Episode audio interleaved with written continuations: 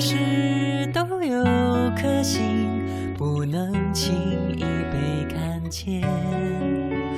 马路就像血脉一样，把每个渴望相连。Hello，大家好，欢迎收听鸡同鸭鹅讲 Gaggle FM，我是刘纯，我是夏娜。OK，今天我们又来进行新一期的节目。今天我们请到了两位嘉宾波狗和波波，请大家请他们给大家打个招呼吧。欢迎欢迎，大家好，我是波波。Hello，大家好，我是波狗。对，今天，呃，在节目开始之前，先来介绍一下我们的这个播客，我们叫鸡同鸭讲 g a g FM。如果大家想收听的话，可以在网易云音乐、荔枝 FM、喜马拉雅还有 Apple 的这 Podcast 上来搜索“鸡同鸭鹅讲 g a g FM”。另外呢，我们有一个公众号，也是同样的名字，是“鸡同鸭鹅讲 g a g FM”，就是鸡同鸡鸭鹅的那个鸡同鸭鹅讲。那我们今天为什么要做这样一期节目呢？我不知道大家还有没有印象，之前我们做了一个那种大型的，也是在线呃，不是在线了，线下的访谈节目，里面就有波波，就其实已经参加过我们的节目了。当时他讲了一段故事，我们觉得特别的有趣，而且跟我们现在的这个呃情境，哎，说实话，我不知道我们这期节目什么时候放啊？是春节期间放是吧？那刚好就是，因为春节的时候大家。要从这个生工作或者学习的地方回到家里面，就会面对自己的父母，可能是一年一次或两次的面对父母。当然，尤其像我们这些大龄的基佬或者拉拉们。会非常的困扰，但是当时波波就是说他跟他母亲的关系特别的融洽，然后讲了几个故事，我我都我听的时候我都惊到了，所以呃就在这样一个面临困难的时刻呢，我们就请来了波波来跟大家分享一下他是怎么跟自己的父母来相处的，然后还有波波波也会跟大家分享这个话题，然后我们就系统的来来聊一下呃有关亲子关系的一系列的问题。嗯，对了，呃，我们还是回顾一下吧。上次为什么我们会把波波找过来？波波上次讲了个什么故事来着？上次讲的基本就是，啊，我不是特别喜欢他给他妈妈跳舞娘，给给他妈妈跳舞娘，我怎么不记得这一段了？还有这一段吗？你刚才再讲一下，我觉得听众们应该也都忘了。没有，没有这，没有这一段。OK，让让波波来讲哈。是，主要是那次聊的跟父母相处，然后我就说我跟我妈关系很好嘛。呃，聊了就是我这有一次生病，就是别人生病可能都不跟家里说，硬扛着，然后我就是就是挺着要回家，然后回家的那一刻就是完全不知道自己在哪，然后睁眼一看自己已经在医院了，就是这种状况，就是觉得回到家就是心里就非常的舒坦。嗯，看见父母心里就没有那些，就什么难过呀什么的，就看见父母就是整个人都放松了，就是就是啊，我要回家好好养病，就这种心灵的港湾。对，所以说对于波波来说，这个父母是让自己可以心情放松的一个存在，是吗？对，主要是我从小跟我爸妈，尤其是我妈，什么话题都会说，嗯，就没有那种。父就是像听我听别人说那种，就是可能有的话题不会跟爸妈说，我是全都会说的。嗯，OK，那所以，嗯，夏娜，你你会跟你的爸妈说很多事情吗？就小的时候或者现在？小的时候我好像是跟我姥姥一起生活，然后那时候我爸妈也挺忙的，就没有怎么一起交流过。直到后来，可能大学毕业之后，才跟我妈妈有过一些交流。但是这种交流后来可能也是一种保留性的一些沟通。OK。嗯嗯嗯，对。不过呢，呃，我的话其实也没有像波波那样会把所有什么事情都会讲，就是基本上到后来出去读书之后，都是只是报喜不报忧，对吧？嗯，就是一些。呃，生活上的事儿啊，就是那种琐事儿，就也不怎么说了。就是就是像成绩，那像小时候的话，也不会什么都聊。就好像你喜欢哪个同学，你也不会跟他讲。就是有这种这种情感上的烦恼的时候，也没有跟他们，我从来没有跟他们讲过。然后我觉得我的性教育，他们也没有跟我讲过关于性的东西。就是自己去开发探索。所以我们提到了一个事儿，就是性教育。我觉得这个事儿还挺能反映母呃呃父母和儿呃子女之间的这个关系是怎么样的。我来说一下我当年的性教育是怎么来的吧。呃，我的性教育其实主要也靠自学，但是这个自学呢，是我的妈妈给了我提供了一些条件，因为她呢没有去跟我讲说会发生什么事情，会发生什么事情，但是她。呃，他会告诉我说，我今天买了好多好多的书，因为我小时候特别爱看书。他说这套书专门买了一套书，然后其中有一本儿就是讲这个青少年的性启蒙的书。但其实呢，我偷偷在心里想，哦，我我知道，哦，原来我妈是想给我来开这个性教育课的，她又没有说。但是我偷偷想说，其实因为我妈当年是搞计划生育的，我们家有特别多的优生优育的书，所以当时她的优生优育的书我都看了一遍了。然后我还有一个叔叔是学医的，他当年成人高考，他在放我们家什么大内科学、大外科学、解剖学、什么皮肤性病学，还有什么精神病学。因为精神病学里面会讲到性心理嘛，性心理里面就介绍了同性恋什么的这些东西。其实那些东西我早都已经看过了，我觉得我看的那个比他那本青少年读物还要多。但其实我觉得这个可以算作是。我妈妈想给我做性教育，但是由于我们两个，呃，表面上当然是很和睦的一个关系，但是并不是什么都能说的这样一个关系，所以她就只能以这样一个，呃，比较，呃，隐蔽的方式来给我进行这种教育吧。所以你们的经历都是什么样的？我们先听夏娜的，我们最后来听波波的。我觉得波波的可能会更有趣一些。我的经历就也是通过看书。看过这种可能是黄色小说，或者是说其他的一些，就不是那种很纯真，像你所说的那一种书。哦，黄色小说其实我也看了，我是在高中之后，就是偷偷用手机上网来看。那你们看的都是什么什么小说？看一下有没有重叠的。没有没有，我现在差不多忘了。然后后来的话也是上大学，可能跟同学讨论，或者说一些呃，差不多是这样的一些事情，嗯。就没有了。OK，那么波波呢？啊，我啊，我觉得这方面我我跟我妈不是，就是我记得最清楚，就是小时候小学的时候看那个，就是那个母母亲怀怀孕的那个影片，然后我就没咋看懂，回家就问我妈，我妈说啊，你就是这样来的呀，然后就不是很就是那种系统的性方面的教育。然后长大以后，尤其男生不是要那叫啥梦遗嘛？然后有一有一次，然后我特别害羞，然后我就说啊，我好尿床了。然后我妈就跟我说，这不是尿床，这是你长大了。然后就把这个东西给我讲了一遍，就什么是梦遗，然后男生为什么会梦遗，然后就说了一通。然后我其实我当时也没有很在意，然后我觉得这就是。唯一两个在我脑子里有的关于父母对我的性教育的片段，不是很系统。但是我说一下我的看法，我觉得一个家长能说到这一步的话，可能在我的意识中，就起码我认识的长辈们都做不到这一点。我小的时候也问过妈妈我是怎么来的呀？我觉得给我的回答就是，要么是第一个说小孩家家不要问这种问题，第二个就是说垃圾堆里面捡来的呀，或者是谁谁谁那个抱过来的，小的时候都是这么跟我说的。这我是真的是自己看书才知道人怀孕是怎么回事儿，我是看了大外科学才知道怎么回事的。其实我觉得是不是因为，首先自己问发问的那个方式不是很正确，我就是特别正规，就是在学校看了个影片，我就不知道为什么就回家问我妈，我说为什么是这样子，就问的那个问题也是特别的，就是为什么要怀孕，然后为什么这个小孩会由妈妈生出来就。刨根问底的问，然后我妈被我问的也没办法，就是她就认真的跟我说，就是当时小的时候的话，也是那种就是那种什么捡来的呀、抱来的呀，就这种。嗯，我觉得还是要自己提问，多提问。可能是后来我们看了书之后，就不需要提这样的问题了，因为总总觉得在父母那儿也得不到什么答案，已经不重要了。哎，其实我觉得中国父母对这个。不是很在意，他们自己小时候也没有经过系统的培训，所以他们也不知道怎么来跟孩子传递这个观念。OK，那然后是不过你你是怎么样的呢？呃，我的性教育其实一大部分其实是我的姑姑完成的，就是我姑姑也是个医生，然后她其实从小就会给我们检查包皮，然后用一些挺诙谐的方式。来去告诉我们就是没有问题啊，或者有问题的就找医生，就这样。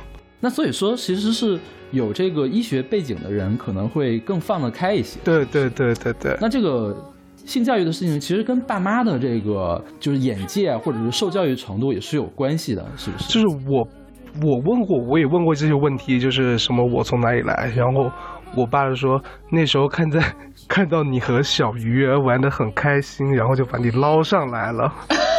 然后我当时小时候，我回答是，我又不想跟你们，你为什么不让我跟小鱼一起开心的游？这个我觉得可能我们这个切入点有点问题啊，我们应该另开一摊专门去讲性教育这个事情，好像还不能完全的来反映这个呃为什么亲子关系？对对，为亲子关系的事情。那我们哎，不是我父母真的会挺害羞，很直接的跟你说那些问题。父母会直接说，是吗？不是，他会很害羞的，很直接的这样跟你表达。啊，会很害羞是吗？所以，如果父母呃不去这样主动的对你进行性教育，未必是因为你跟他的关系不够好，而是说因为他在害羞，是吧？对，我觉得对于我的情况是这样的。也没有，我觉得两对于我来说可能是关系不好吧。就其实我从小或者说从中学、从小学，我跟我父母关系就很一般。呃，其实我们我根本就不会向他们去问这个问题，或者说可能也很少问他们问一些东西。是，所以不能。很单一的一个就是判断，做一个判断这样子。那我们找一个更好切入的点吧，就比如说大家小时候都挨过打吗？我们先从女生开始，因为我觉得女生和男生是不一样的。没有，我真的挨过打。是爸妈打还爸爸打还是妈妈打呀？嗯，爸爸打多一些吧。OK。父亲打多一些。因为什么事儿啊？嗯，因为我爸他其实要求比较高吧，然后他也会比较凶。不过现在变好了，现在他可能脾气没有没有就是像当年那么凶了，就变得温和一些了。现在是不是应该你打他了？哪有？刚才那个问问题的人是谁？我没有听出来。波波吗？啊，不是不是。不狗吗？是不狗是吧？是我。不过你怎么会问出这样的问题？就是啊。你来说你的故事。对，你是对爸妈动手了吗？没有没有，我我应该可能我我爸学过拳击，他以前当兵的，然后哦对，我爸也是。对他练过拳，然后我可能稍微打不过他。所以不过有时候小时候挨过打。我小时候我我我爸从来没打过我，但是我记得印象中应该有两三次是。我妈妈打了我，然后用了不同的工具，什么衣架，然后那种，呃，那种小竹签，记忆深刻，就是这样。对对，不过我小时候有的时候可能真的是蛮调皮的，但是反正挨打的次数也不是很多。我记得好像上小学四五六年级之后就没有被打过了。OK，那么波波呢？我跟你说，你看我跟我妈关系这么好，我小时候完全就挨我妈打，嗯，然后我爸是完全不动手，我们家打我的全是我妈，调皮呀，成绩不好呀，嗯，反正，而且打的还蛮多的。我们不是住的家属院嘛，我妈都成为有名的悍妇了。当年，哎，那她打完你之后会哄你吗？会，哦。就我爸让我爸，就我爸非常不解，我爸就说，打你最多的是你妈，为什么你跟她关系这么好？我爸就完全不解。哎，对我我也很不解，就是为什么你挨了这么多打，还会跟她关系很好呢？但我觉得，我觉得父母手底下还是有那个。叫什么掌控的？他要真下死手打你，你还能活着吗？他肯定不能往死里打嘛，对吧？小时候，我觉得小时候就是因为无知，犯了很多。你像现在看小时候好多举动，真的，真的挺欠打的。嗯，对对对。所以你妈妈打你的时候会跟你说：“我今天为什么要打你吗？”对他，他会先说：“他说你到底做错了什么？你知不知道？”然后。然后我说啊什么什么什么，然后他说嗯你知道就好，但是我还要要打你，然后就 其实，然后就打了，打完以后，其实我这个人可能皮糙肉厚的，可能没有那方面，就打完就打完了，打完我其实这个心态就延续到现在，就是打完我以后我就又玩去了，又开心的回归玩去，就没有那种什么记恨记恨着呀什么的，真没有。就像就像我这次，就像我长大以后，我觉得这个对我长大有影响。你看我开题我都没过，然后我当天可开心了，还去吃饭、唱歌什么。就其他人都是那种阴郁，其他人没过的人都是那种阴郁的状态，我就还是原来的我的那种感觉。好羡慕波波这种乐天派啊！嗯，真的很乐观。其实我小的时候是，呃，我妈妈打我比较少，我我妈一般不打我，我爸呢打过我，但是他打我之前是要给我预告的。我小时候挨打只因为一件事，就是因为我小学的时候不写作业，撒谎骗我们老师没带，然后呢，我爸第一次知道了，说行，这次不打你。然后第二次知道了，说行，这次还不打你。第三次知道了，说有一有二没有三，我这次必须要打你了。然后呢，你你挑一下吧，你让我打你几下，然后就拿那个拖鞋的鞋底儿，我说我忘了我说了几下，反正说了几下他就打几下。他说，然后后来他跟我说，说我不是为了打你而打你，我那个必须要让你记住，你这个事儿是不能做的，你再也不能犯这种事情，所以要让你长个记性。我爸我记得应该就打我那么过一两次，都是因为我没有写完作业。然后再就没有打了。其实我也是很多挨打都是因为学习，并不是人淘气怎么样，都是学习。我觉得我好像是淘气，例如说我会离家出走，带着我弟弟。你小好厉害，离家去哪呀？跑得很远，就是突然。我想听，想想听这段，为什么离家出走？我也忘了，就是我经常会带着我弟，可能去哪个地方玩，就是玩到很晚就不回来，这样子。还很小很小，四五年级的时候，这个叫离家出走吗？嗯，这个叫这个叫玩心比较大吧。那应该就没有离家出走，出走这样一个地段吧？那你跟你弟一起玩什么呢？去去找其他同小伙伴玩啊，去公园啊，然后干嘛干嘛，就到处晃。对哦，我突然想起来，我那时候我我爸妈为什么打我了？是因为我经常欺负我弟。对对对对对，是的，是的。OK，可以，可以，可以，可以。啊，就像我也，我有个哥哥，就我我们小时候也是很爱互相告状的，就是 跟父母，就是啊，他他又拿我什么东西了，然后他又打我什么什么。所以这个呃，一家里面如果有两个孩子以上，因为我完全没有机会接触这样的事情了。我因为我身边的小朋友也都是独生子，我在东北长大的嘛，东北那边的计划生育是做的最好的，而且我妈妈是管计划生育工作的，所以我们那儿绝对不会有家里有两个小孩的这种状况。嗯，然后我就不太清楚，比如说如果家里面有两个小孩儿，这两个小孩儿跟父母的关系会有很大的不同吗？嗯，也没有，呃。我觉得会有不同哎，因为我们家是少数民族，然后都可以生两个，只是我妈就生了我一个，我的我的姑姑，然后叔叔大伯都生了两个，他们我觉得他们从小在我观察以来就是两个，基本有家里有一个会跟父母很亲，然后有一个就不是很亲。但其实我们家还好，就现在来说的话，就两个小孩都跟父母还亲。呃，像我的话也是，就是我哥跟我爸，其实跟我的关系，我感觉我跟我爸就是好像两个亲的不太一样吧。嗯，就是他们两个更像兄弟，我跟我爸更像更像情人。你跟你爸像什么？哎，就是哎，我就说我现在已经二十五了，我回家我爸。还老就是像小时候一样，老让我去他床铺。哎，我说的我脸红了，就是，就是，反正就跟他一起睡前聊聊天嘛，就这样。你们有吗？我现在还会跟我妈撒娇哎，然后我爸就在旁边看着，妈呀，这都快三十了还这个。对啊。其实我现在回家，我也是跟我妈睡一张床。我我我也就是呃睡前的时候跟她睡聊聊天，然后我还是会回我房间，不然不好说话。OK，那其实你们、你们跟你们父母的关系都特别的好，就是那种非常亲近那种好嘛，是不是？我我觉得我跟我的。父嗯，父母关系已经很好了，但是我觉得我们现在那种好是有一种客气在里面的好，就是嗯，不是出呃不是发自内心，比如说你你对你的女朋友或者男朋友那种是一种发自内心的，就是说无法控制的，我就要对你好那种感觉。然后我觉得我现在对我父亲好或者母亲好的话，是一种特别理智的好，就是说说我会考虑到当年他们是怎么养育我的，我现在的一个目的就是要让他们开心。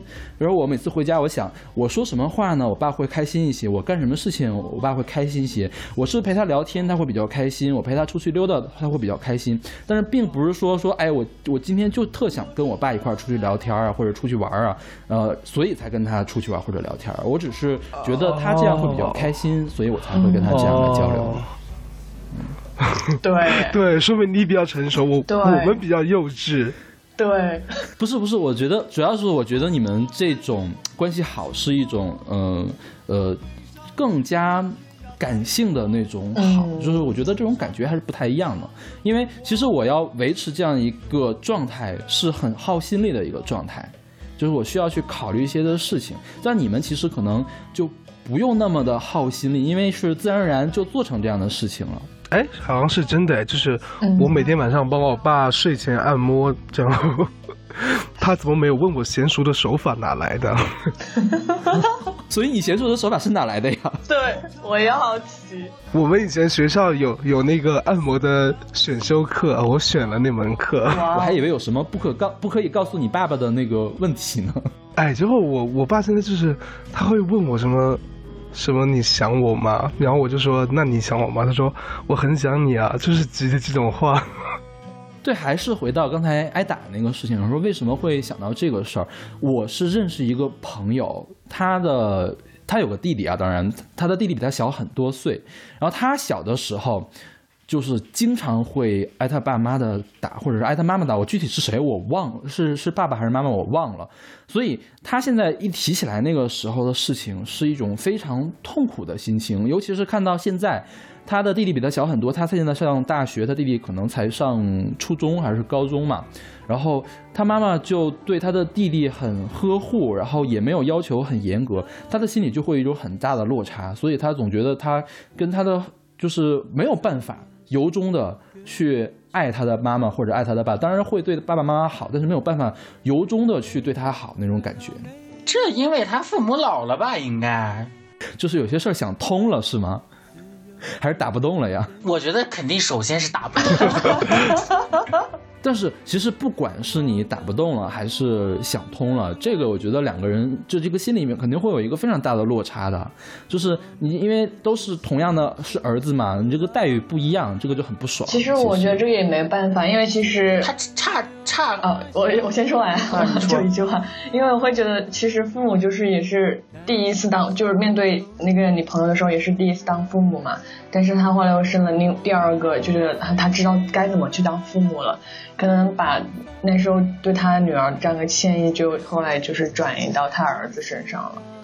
我是这么想的对对对。嗯，我就我也是刚才想说夏娜说的，肯定是因为他父母已经已经有经验了，就知道第二个该怎么带了。OK，所以说父子关系呃就是父母和子女的关系要好，就是对父母的经验要求也很高。嗯反正大家都是第一次当父母，很难一下子就做好，嗯，是不是？对对呀、我你不觉得就是一个共同成长的过程吗？父母从咱们这种现在这种状态成长为父母，然后我们从小朋友长到青少年，嗯这不是同共同成长嘛？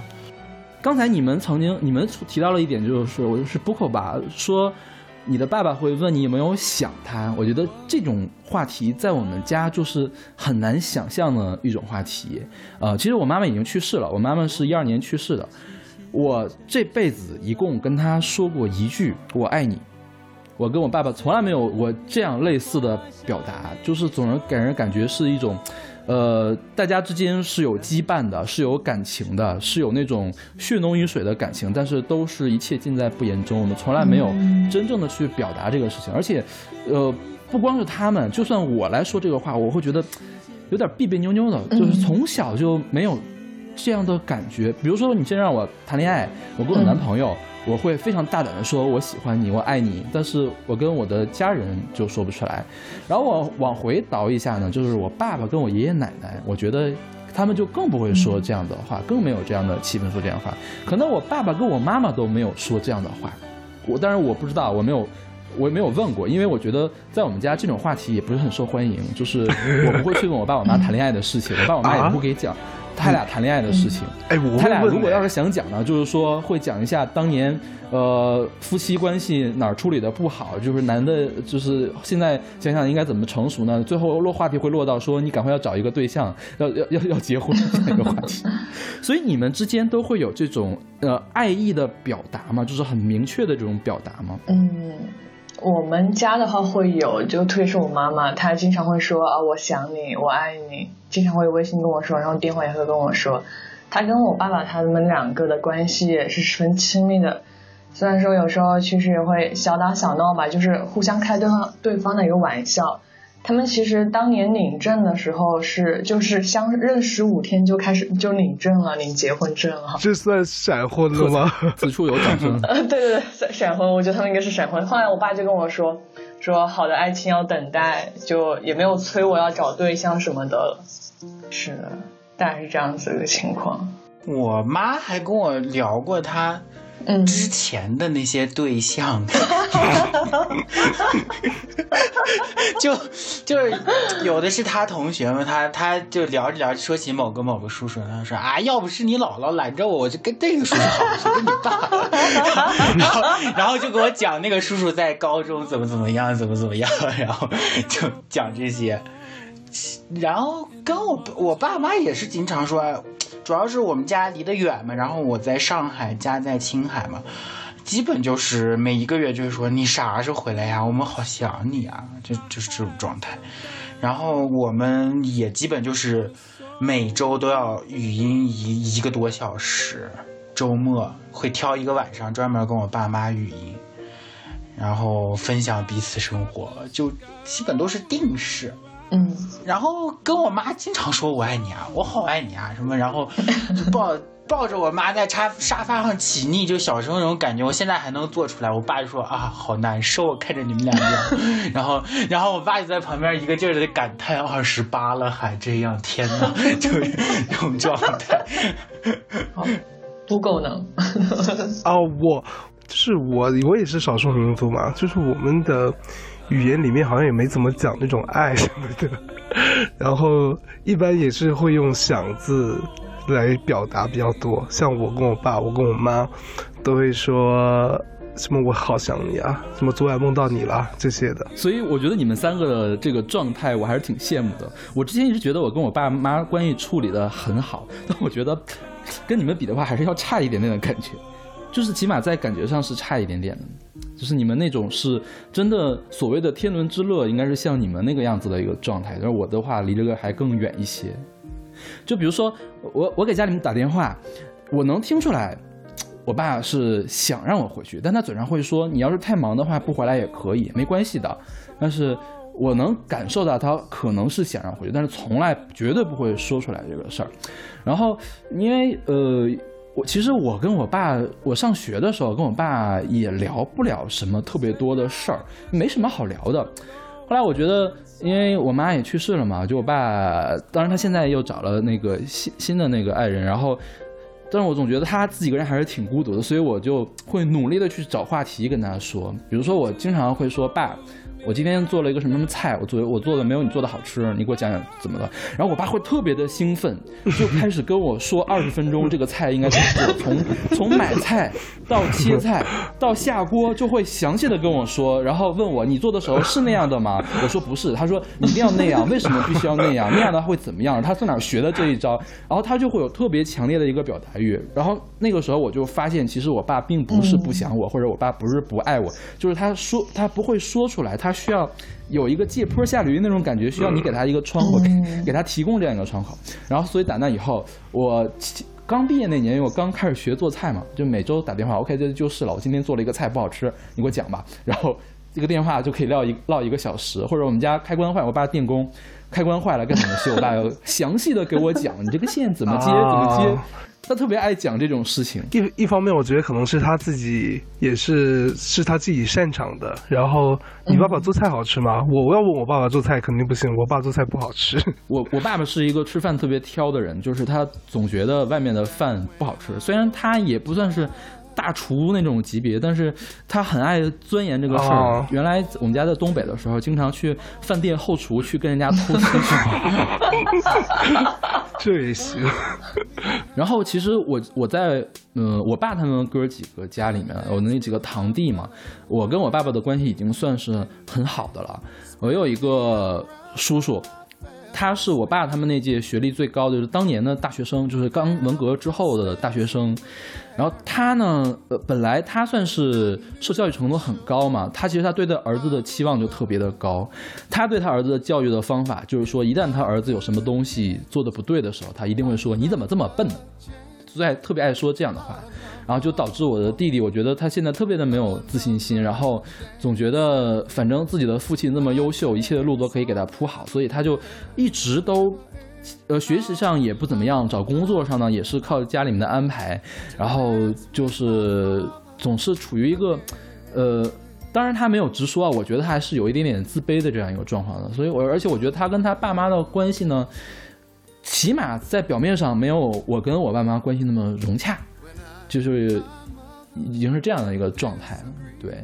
所以我身边见到的都是那种家里呃跟父母关系不好的这样一个状况。我觉得我非常没有想到，原来在座的三位竟然家里的状况都那么好，我还是很羡慕的。我觉得其实我周围朋友好像家里关系都非常好的那种。我也觉得我身边同学跟家里关系都跟我差不多。嗯，就是其实对于我们基友和拉拉来说，有一个点其实还蛮特殊的，就是说，呃，社会会对基友有一种刻板印象，就是说可能基佬们里面嗯比较娘的男生会比较多，或者是说拉拉里面比较 man 的那种女生会比较多。那你们小的时候，就是家长会非常在意那个你娘不娘这种事情吗？好像 谁先说？那那我先吧，好吧，好像我小时候就是穿裙子，或者说怎么样，这个好像没有在特别去在意这个。对我小时候就很喜欢穿裙子但但但你不是女生吗？啊，对我是女生啊，所以你爱穿裙子有时候那不？是。就是有些女生她可能从小生来就觉得，哦，我不想穿裙子，我只想穿裤子，我就是只想穿男士的男孩子的衣服，哦，怎么怎么样？了解了。嗯，就是我觉得我会想，就如果说从小时候来说的话，那可能是说父母他会最开始在意到外形这个方向外。形好像没有哎，我你像那次企鹅见了我，他说我一点都不像那个，哦，因为我打扮很正常，然后我内心就是，难道是可以都要奇装异服吗？好，小时候我小因为我身边，嗯、啊，那你说呃，没没没，因为我身边有男孩子，他是 gay 嘛，他他十分喜欢穿女孩子的衣服，就经常穿他妈妈的衣服。然后他他妈妈他妈妈会打他吗？他妈妈好像不会吧？还是说儿子你再穿这件，这件更好看？这个我没跟他聊过。嗯就是波哥说的这个问题，其实我们那边会有哎，比如因为有的男生会去拍艺术照，就是他妈妈爸妈带着男生小男生去拍艺术照，会拍女生的照。嗯你们那儿嗯，有这样的状况吗？对啊，其实我觉得我小时候就有有拍过，我小时候就是有有穿过。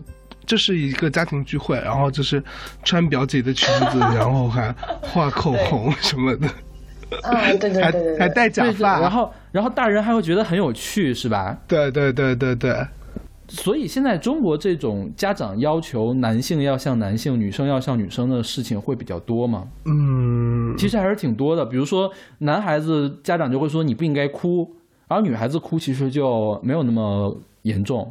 然后说女孩子如果说不爱干家务，这事儿好像都挺受不了的。但是男孩如果不干家务，其实也还 OK，是这样的问题。但我觉得好像，嗯，就是这还是比较小的一点吧。就是你看我爸就会，他会认为男生就不应该留长发，男生就应该剪平头。然后，然后，然后他，他呃。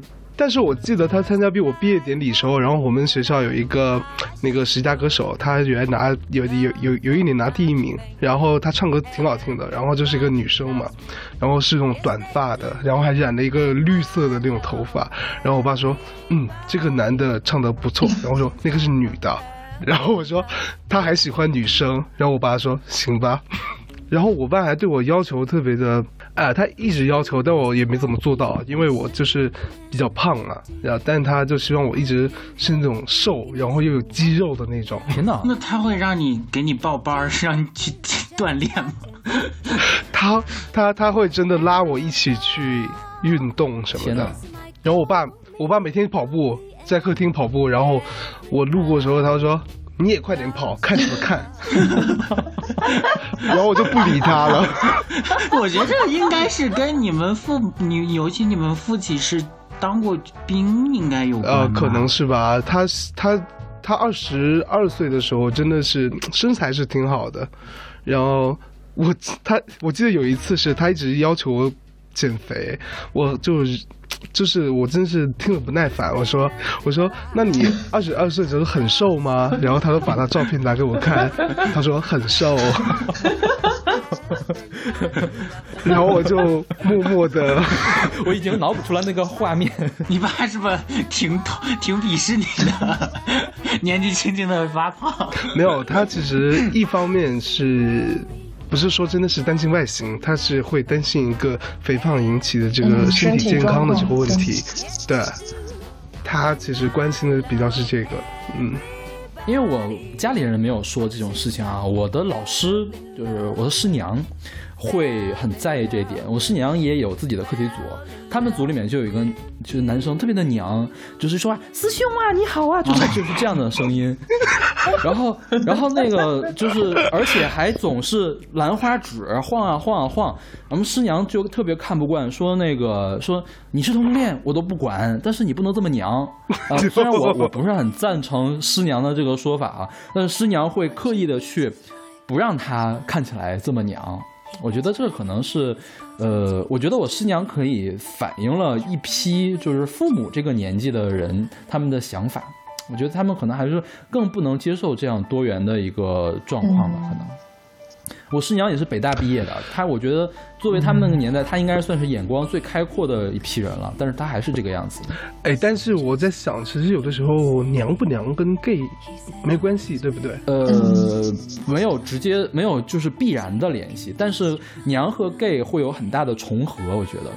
哎，我觉得你有没有感觉到，就是从外面回来的那帮博士，嗯，他们当老师的话，他们会。思想比较领先一点，然后接受能接受程度也会高一些。你有没有感觉？就是当老师是吗？因为我的老师也是从国外，也在国外待了好多国家，就是待了好多年，然后才回来的。但其实我觉得他们，我我是我就觉得就是我们可能还是跟年纪有关。我们研究所从去年开始引进了一批老师嘛，哦，都是八五年左右的新教师，然后这帮老师他们的。那个讨论的话题就非常广泛，然后我们我每次去听讲座，比如说我们有一个搞那个教育平权的老师，他就是会提到这个少数团体的平权教育里面就有那个 LGBT。OK。就是给我打开眼界，我就感觉我从来没有听我们学校，我们学校教育学应该是国内数一数二的嘛。然后我听那些老教授的讲座，从来没有人说过这个问题。然后就是这帮新来的老师，全部会牵扯到这方面的问题，就在自己的研究领域里面。我不知道你有没有这种感觉？那我觉得应。应该还是跟年纪是有关系的，但是我因为我不太认识年轻老师，我就对我们老师比较熟，我其他人老师不都不认识。其实我觉得我的老板和老板娘他们已经很前卫了，他们没要孩子啊，他们是顶住了家里的压力不要孩子。我觉得在他们那一辈儿来说还是挺厉害的。他们现在每到春节一定出去自驾游，然后要么出国两个人一块儿去玩去。我觉得还是他们快六十了嘛，还是挺前卫的。在他们那边来说，我觉得在老师里面。你像其他的老师们都是拖家带口的，其实想出去玩也没有办法出去玩的。但是，就是对于娘不娘这个问题，我觉得他们的看法应该是跟绝大多数的家长还是一样的。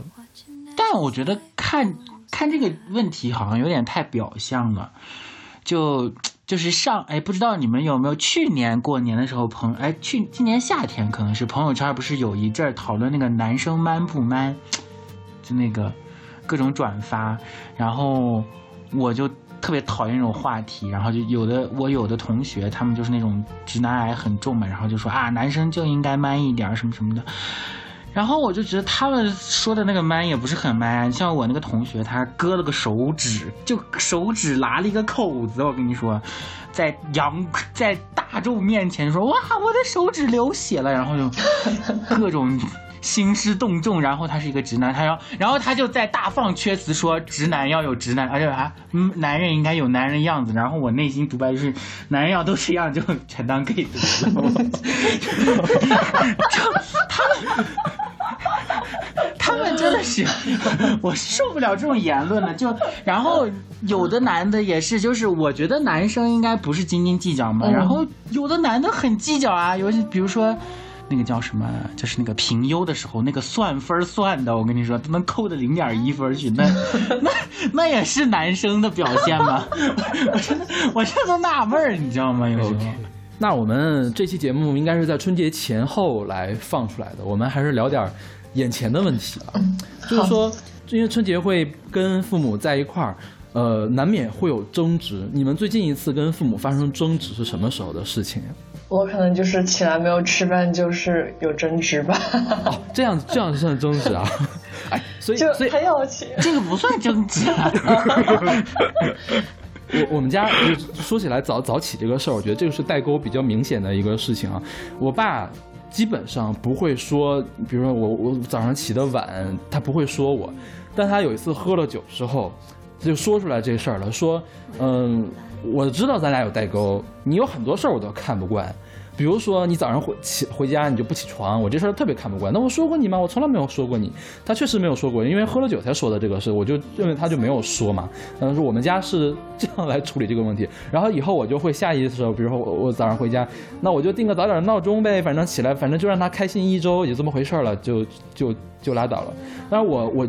我想想，我跟我们家里面上一次最最大的争执，应该是我高考报考的时候。当年我特别想去北师大，因为我从小的梦想就是要当老师，我特别喜欢站在讲台上给人讲课，你知道吗？然后，然后当时家里人又觉得你当老师将来是没有前途的，就是没有钱赚的啊，所以就说不要去北师大了，你要去北京的话，你就报一个其他的学校。我当时就特别不开心，但是还是屈从了。家里面的这个压力，所以就报了另外一个学校。当然后来想想，我当时去北师大，我要去学生物，还好没有学生物。学生物的话，将来就真的很难找工作。我不是要黑生物学啊，但是确实是这个样子。然后这就是我们我能想到的跟家里面最大的争执了。如果再有争执的话，将来如果有的话，就一定是关于我结婚的事情会有争执。对，然后。其实其他的时候，我会尽量的去避免这种小的争执，但是像比如说婚姻，或者说你将来的事业，这种争执有的是没有办法避免的，因为家长有的时候就特别的去想管你。第一，他是觉得。我可能呃见识比你多一些，而且我想到了这些事，你比较年轻，你不会想这些事情，所以我要给你指出来。然后我指出来，你又不听呢，说明你这个小孩不懂事儿。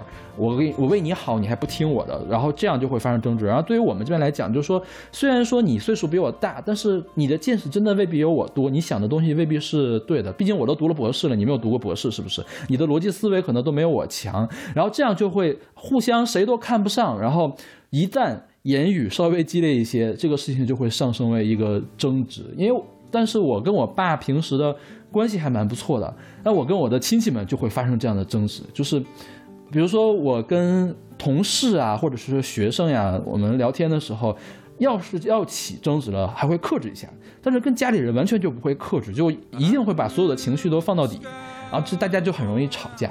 我不知道其他呃，就是你们跟家里面会有这样的状况，或者说你认识一些朋友家里面会有这样的状况吗？然后如果没有的话，如果有的话，应该怎么样解决才比较好？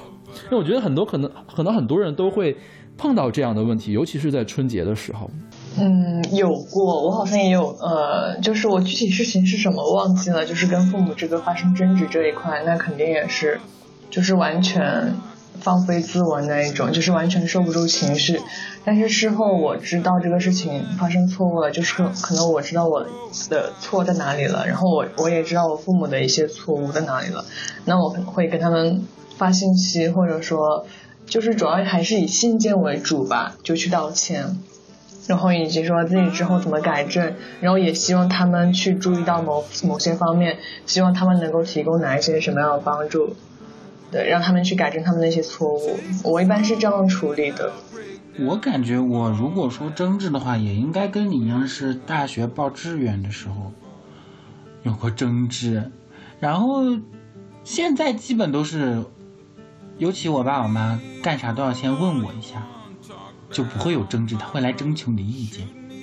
其实我爸妈也是这样，就是说他现在知道了。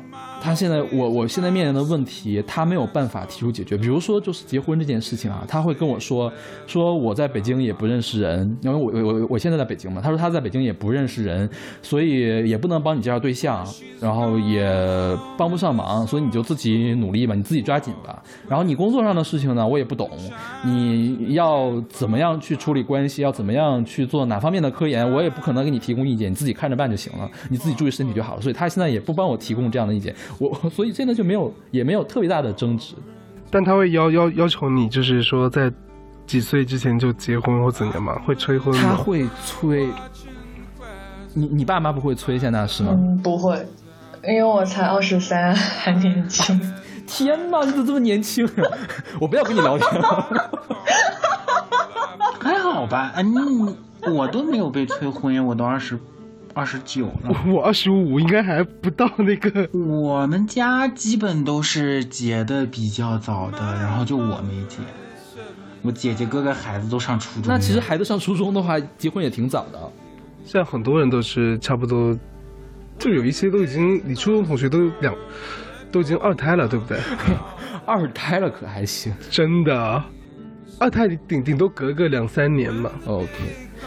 其实中国比较常见的状态是毕业了之后一两年就结婚，因为我其实毕业已经三年多了，我现在就是名义上的女朋友都没有嘛，就家里一些亲戚就会很着急，当然我能感觉到我爸也有点着急，但他每次跟我说的时候说，啊你自己的事情你自己看着办，我催你也没有用，你自己想清楚就好了，然后但是呢他还是会说呢。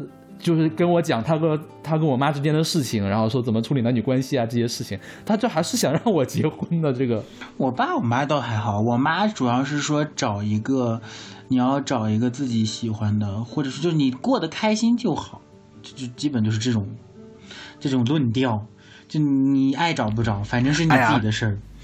他说你，但是关键你没跟他出柜啊，对不对？你当然可以找个男的回家了，他们不接受啊，对不对？但但是你想，他已经接受了，就是你自己把自己过好就可以了，就是不管你结不结婚，你自己的选择。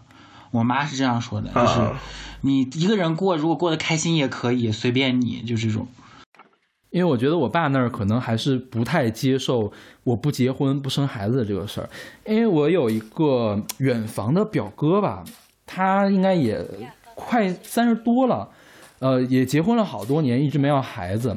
我们吃饭的时候，他就会聊这个问题，说我这个表哥一直也不结婚，呃，然后会说他是不是同性恋呀？就是当然，当然，我觉得我爸应该没有看出来我是，但是他会有这样的想法。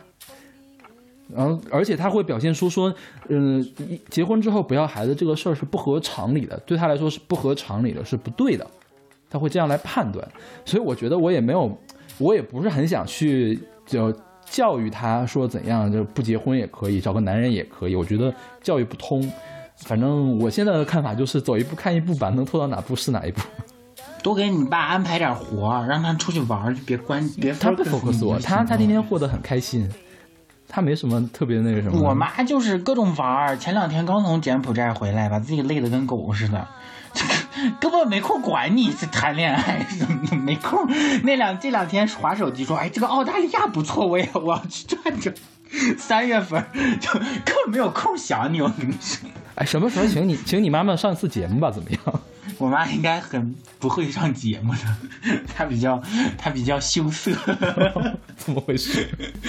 不光是父母这一关，但还有亲戚这一关。亲戚 真的是，我觉得亲戚最亲戚就随便了。你你觉得亲戚很重要吗？我是不觉得。嗯，你爱咋咋，你爱来往不来往，我 不是来不来往的问题，守着我爸妈就好了。但他们也会。对你的事情操心，就是就假如说就那我跟你说，你就左耳朵进右耳朵出就行了，尤其是亲戚，又没啥。我每次都是他们就说，哎呀。你现在这么优秀，又在读博士，哎呀，找个女朋友多么重要！我然后我就在那啊啊，然后饿的他们 饿的他们觉得我已经无语了，他们就不说了，就转换话题。因为我老我爱臭脸，你知道吗？就就他们可能看问了几个问题以后，看我快臭脸了，然后就不聊这个话题。其实我我怎么对付我的这帮亲戚呢？还有我爸妈，其实我也是这么对付他们的，就是呃态度特别好。呃，叫而且呢，先虚与委蛇的答应他们，反正我到时候怎么样，你们又管不着，你也不能天天来看着我，是不是？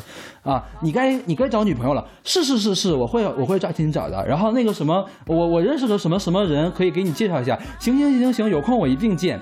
反正我一直没空嘛，我回了北京，我有没有空也不是我来控制，也不是他来控制的。反正面子让他们过去，让他们也很开心，就这事儿就完了。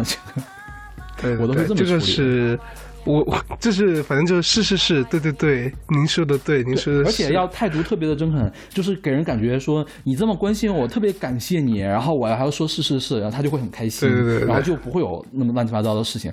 你要非得跟他处着来，反正过年就这七天，大家都非常的闲，好不容易有点话题，肯定就怼着这事儿没完没了了。我就是能把它尽快的化解，就尽快的化解掉。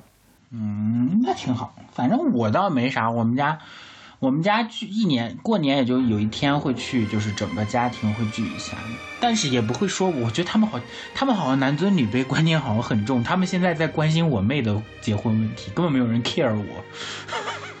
就就现在聚在一起都会聊我妹，就没有人聊我。我觉得这个也蛮正常的，因为。不管说是你你怎么样有一个女权主义的想法哈，但是中国的现状就是说，呃，大龄的女生可能比大龄的男生更难找对象，就是。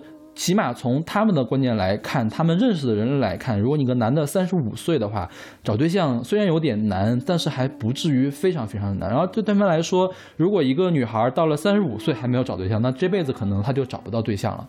所以一般他们会要求女生在比较早的时候就找到对象，就稳定下来。啊，男生呢是可以往后拖的。我觉得这个也算是中国一个现状吧。是是是，你说的是。天哪！你们这什么态度？对对对，你说的对。我已经变成你们家的坏亲戚了，是不是？夏娜完全不 care 你这个话题，我跟你说，还没有到年纪。不是，其实他们也跟我说，你要在年轻的时候找个对象，找男朋友，找什么什么。我我后来想，哎，那我可能会早结婚，那我会也会意味着早离婚，什么什么的。我就这么怼回去。啊，你们有没有？我有两个同学都已经离婚了，才结了两年。对啊，早结婚肯定就会早早点离婚了。他们为什么离婚啊？是你同学用布鲁蒂，然后被发现了吗？你很你你你很敢聊，真的有时候感觉行行婚好害人。对啊，行婚真的不好的。嗯，但是我觉得，就假如说你行婚，就是不是骗婚，骗婚我觉得是最最那个的，就是行婚，你就说约了一个拉拉一起这样演，就是累的是你们嘛，对吧？就是你就给家里个交代。但现在好多男生不是就 gay，好多不是都是就是找一个侄女，就那个女方根本不知道他是。对啊对啊。对对对，我觉得那个女方她也可能察觉不到。我觉得。改天我们可以聊一下同期嘛？同期这个我觉得比较难聊，因为毕竟我们没有亲身的经历，也不认识相相关的人。我觉得如果可以找到相关的人来说 来说一说的话，这个事儿倒是可以聊一聊。但是行婚的人，我觉得我们将来可能有机会可以聊一下。等你啊，等我呀，可以可以可以。哎呀，说到底，我们基佬和拉拉在春节的时候最担心的问题，也就是催婚的问题，其他的问题都不算问题。其他问题，你你你肯定就是，也就是跟普通人都面临的一样嘛，对吧？去同学呃同学聚会啊。对啊，对，这个好像不是，这个就是好多同龄人都会有这种问题。不是。就是，其实我感觉好像就是，如果有，嗯，没有结婚的直直男，好像就他也会也会面临一样催婚的，但是他可能想法和他的处境就是可能和基拉不太一样，对吧？我觉得我们的话题已经完全偏离了今天我们的亲子关系的这个问题。没关系，反正我们我们我我们的台一直都是这个调性嘛，没有我们台一直都是这个调性，我们就这么聊下去就可以，反正听众们也不会介意的，是不是？OK，今天我们其实很松散的聊了一下亲子关系的事情，然后正好是借着春节的这个机会，那么我们其实呃想要分享的东西也差不多就这么多。那最后我们以一个问题来结束吧，就是说呃父母教会给你的最好的事情，或者是给你最好的忠告是什么？我们每位主播和嘉宾都来回答一下这个问题。我们从夏娜开始。那我刚刚突然想到的就是关于坚持吧，嗯。就是教会我，就是坚持做好一件事情，对，以及说诚实守信这一块，对。其实我觉得，就是如果说父母教给我的最好的东西，那肯定是为人处事之道。因为我觉得，我父母从小给我就是觉得，就是什么都不重要，你要会跟与人相处，是他们教给我最重要的一个东西。然后从从小到大的经历来看，我觉得跟父母处呃相处的话，最重要的就是陪伴，不只是父母对我们的陪伴，也是我们跟父母一起共同成长的一个过程。这就是我觉得最重要的东西。对对对，你说的对。不过你好烦啊！你到底在干嘛？你到底是什么一个态度？我现在已经 get 不到你的情绪是什么了。你到底是在讽刺还是在同意啊？我是我是真的很认同，是真的是真的，因为我觉得父母肯定是在我们成长的经历，他肯定是他给我们的教育，肯定我觉得也是一个影响我们自己人格形成的时候最重要的一个因素吧，对不对？但是我爸爸最爱给我的忠告就是要减肥，要每天要运动，就是 就是就是他真的是要把那种什么。每天运动一小时，什么健康工作就五十年那种。对对对，你爸爸说的对。哎，但你们有没有觉得，就是老父母给你们的忠告，小时候的忠告，然后长大，其实小时候觉得就是哎说的什么玩意儿，然后长大以后觉得他们的忠告说的好对呀。嗯，特别是遇到挫折的时候，突然哎，好像我父母说过这样的一句话。因为我觉得我爸妈给我教的最大的就是说，他们不是很。在意钱或者是名利这样的东西，然后就会少很多烦恼。我觉得这个我现在过得还挺开心的，跟这个也有点关系。反正你就日子就往下过嘛，有多少钱花多少钱，能拿到什么就拿到什么。你如果太过于在意这些事情，因为人生本来就很多烦恼，如果你再就有这些烦恼的话，就简直就没法过了。那我觉得这一点是他们教会我最好的一个事儿，可以让我比较快乐的生活下去。好好鼓掌。难道你要 好？好，我我告诉你啊，我跟你没完，今 天你到底要干嘛？OK，今天我们聊了聊亲子的关系。发现其实，嗯，虽然可能会跟父母有这样的摩擦或者是矛盾，父母肯定不有不理解我们的地方，我们也有不理解父母的地方。但是我觉得，可能绝大多数人还是想跟自己的父母来处好关系，尤其是在春节这样一个呃合家团圆，而且大家好久都没有见，终然可以见到一面这样一个地方，就是大家可以，呃，我们所有的听众还有我们自己也可以在回家的时候多考虑一下这个问题，就是说，呃。可能会设身处地的去为对方着想一下，或者是和平的把这几天过完，可能会对我们大家都更好一些，是不是这样？是，包括你要说对对对，你说的对了，对对对，说的好，棒棒棒，对对对对，你说的对，你说的对，也 让我们这节目什么时候能放出去啊？我估计也就是春节这两天啊，希望能给大家提供一些思考吧。那好，那非常感谢今天我们的来宾波波和布谷，那我们下期再见。你们不说新年快乐吗？对要，说新年快乐，竟然把这种事情给忘了。春节快乐，祝大家猪年大吉大吉吧。行，好了，拜拜拜拜拜拜，祝大家新新年快乐。